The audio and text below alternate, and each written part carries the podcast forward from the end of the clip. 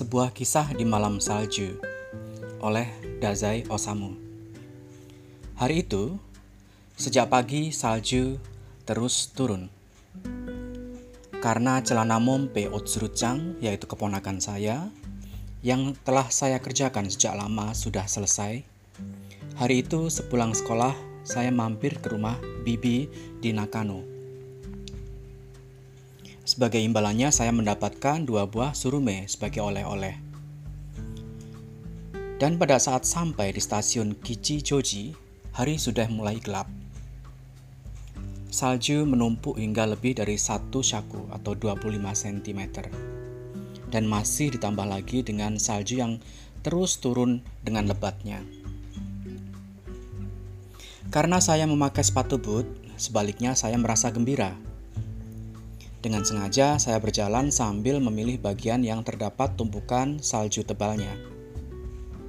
Ketika sampai di kotak pos dekat rumah, saya baru tersadar bahwa bungkusan koran berisi surume yang tadi saya jepit di bawah lengan sudah tidak ada lagi.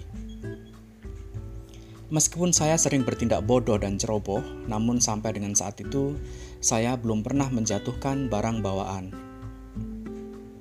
Mungkin karena malam itu saya sangat gembira ketika berjalan di atas tumpukan salju yang tebal, hingga akhirnya tanpa sadar saya menjatuhkan bungkusan tersebut. Saya mengutuk diri sendiri. Ya, saya tahu adalah sangat berlebihan bila merasa malu hanya karena jatuhnya surume tersebut. Tapi, tadinya saya bermaksud untuk memberikan surume tersebut pada kakak di rumah. Kakak saya akan melahirkan bayinya pada musim panas tahun ini. Bila di dalam perut ada janinnya, katanya akan mudah merasa lapar. Memang harus makan untuk dua orang bersama janin yang ada di dalam perut tersebut. Karena tidak sama dengan saya, kakak berpenampilan sangat cantik dan sopan. Sampai saat ini, ia makan seperti burung kenari, yaitu hanya makan makanan ringan, dan tidak pernah makan makanan lain pada saat jeda antar waktu makan. Namun akhir-akhir ini dengan malu-malu ia mengatakan bahwa perutnya sering merasa lapar hingga ingin makan makanan yang aneh-aneh. Beberapa waktu yang lalu saat sedang membereskan perlengkapan makan malam, saya tidak bisa melupakan ketika kakak menghela nafas. Lalu ia berkata dengan suara lirih, "Mulutku terasa pahit, aku ingin makan surume atau sejenisnya." Dan pada hari itu, secara kebetulan saya mendapatkan dua buah surume dari bibi di Nakano dan akan memberikannya dengan diam-diam kepada kakak. Karenanya, saya sangat merasa kepikiran ya kar karena telah menjatuhkan entah di mana. Seperti yang telah Anda ketahui, di rumah bersama dengan abang dan istrinya, kami hanya tinggal bertiga. Abang saya adalah seorang novelis yang agak aneh Meski usianya telah mendekati 40 tahun, namun namanya tidak tenar sama sekali dan selalu hidup miskin. Ia mengatakan bahwa kesehatannya tidak baik. Oleh karenanya, ia selalu bangun dan tidur di atas pembaringannya. Namun demikian, mulutnya cukup sehat dan ia selalu merecoki kami dengan berbagai hal. Karena ia hanya mengomel melulu, tanpa sedikit pun mau membantu pekerjaan rumah, akhirnya sampai pekerjaan yang seharusnya dilakukan oleh tenaga laki-laki pun harus dikerjakan oleh kakak. Sungguh sangat kasihan. Karena merasa jengkel dengannya, pada suatu hari saya berkata kepadanya, "Bang, kenapa tidak pergi keluar rumah dengan rangsel itu, lalu membeli sayuran dan yang lain-lainnya?" Aku yakin laki-laki lainnya juga melakukan hal seperti itu.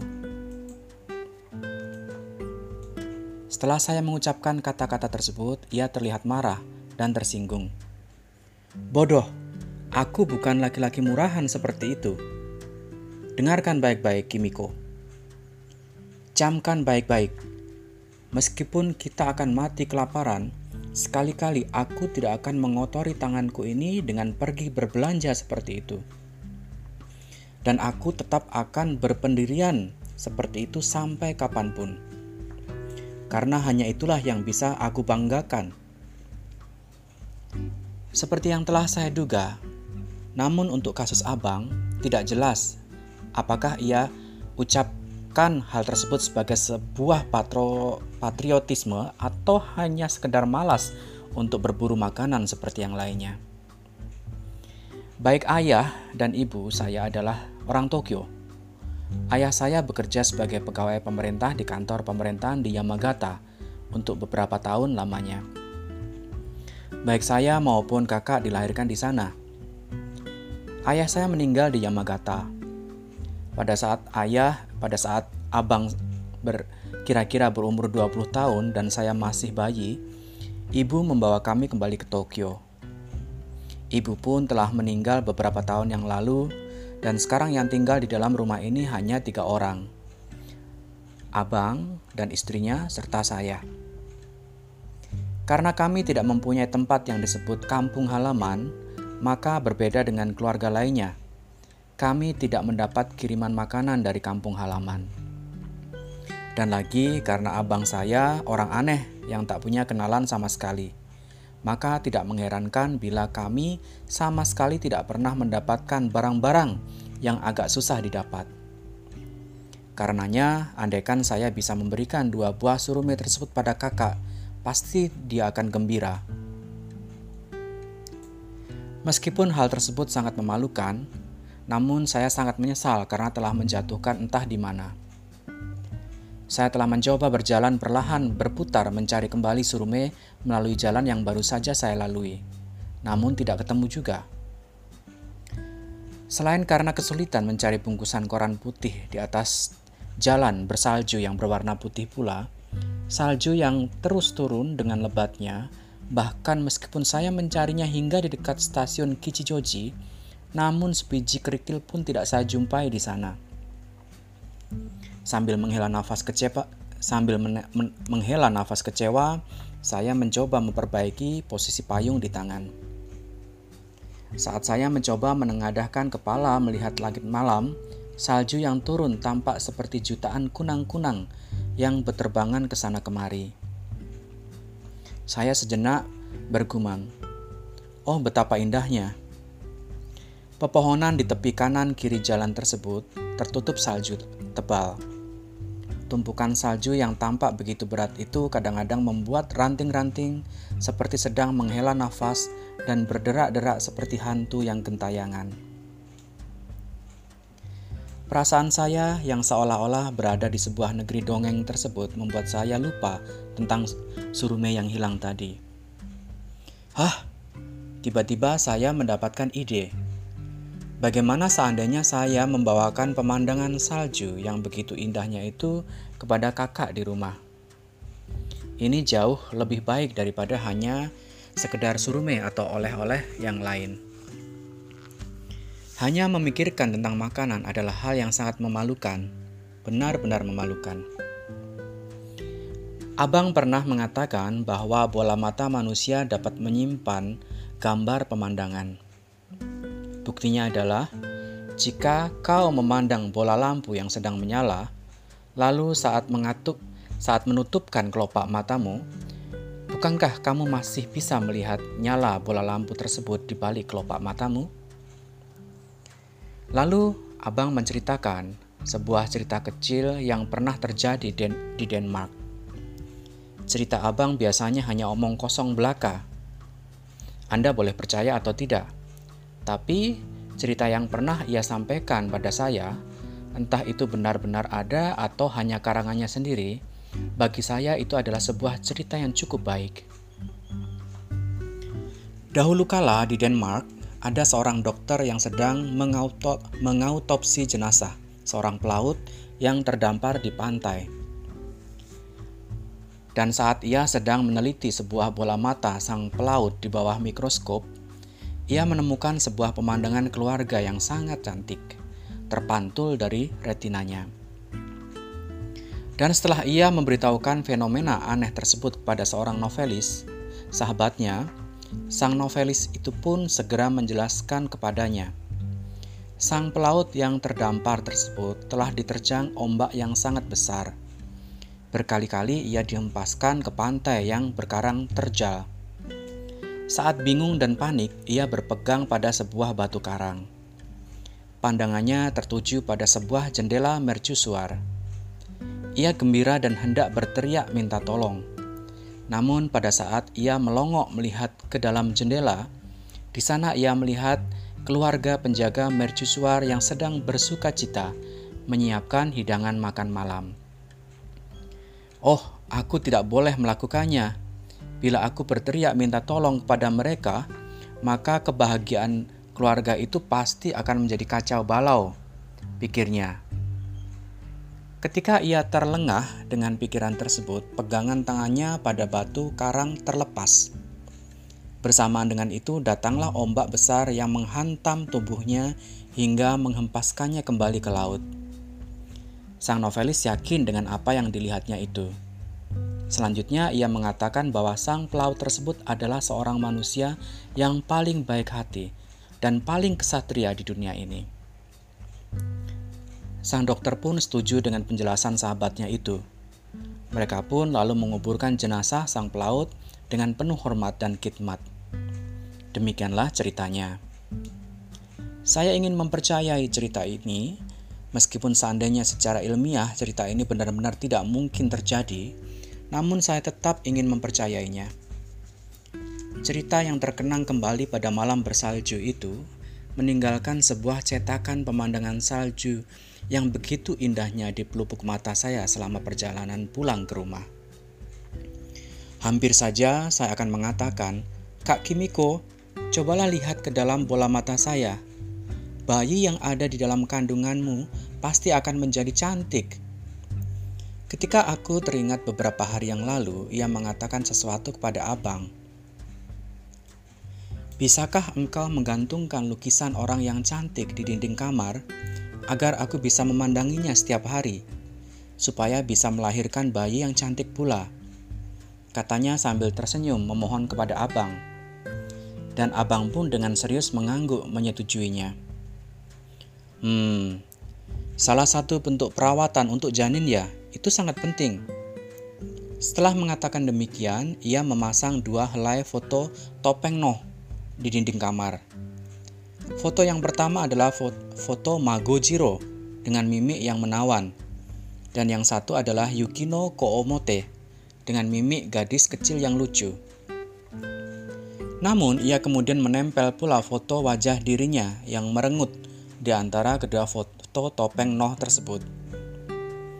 Kak Kimiko jadi tidak bereaksi sama sekali.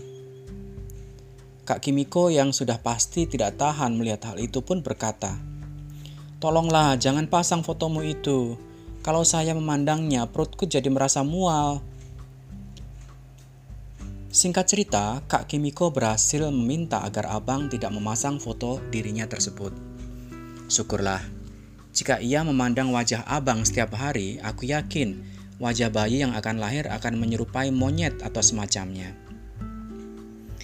Apakah abang yang berwajah aneh tersebut merasa dirinya berwajah seperti seorang pria tampan? Benar-benar orang sinting. Kak Kimiko saat ini benar-benar hanya ingin melihat pemandangan yang paling indah di dunia ini.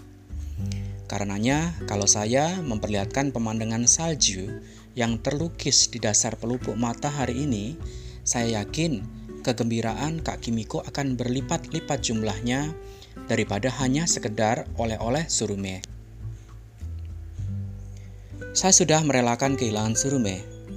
Karenanya, sedapat mungkin pada saat berjalan pulang menuju rumah, saya melihat pemandangan salju yang indah sebanyak mungkin.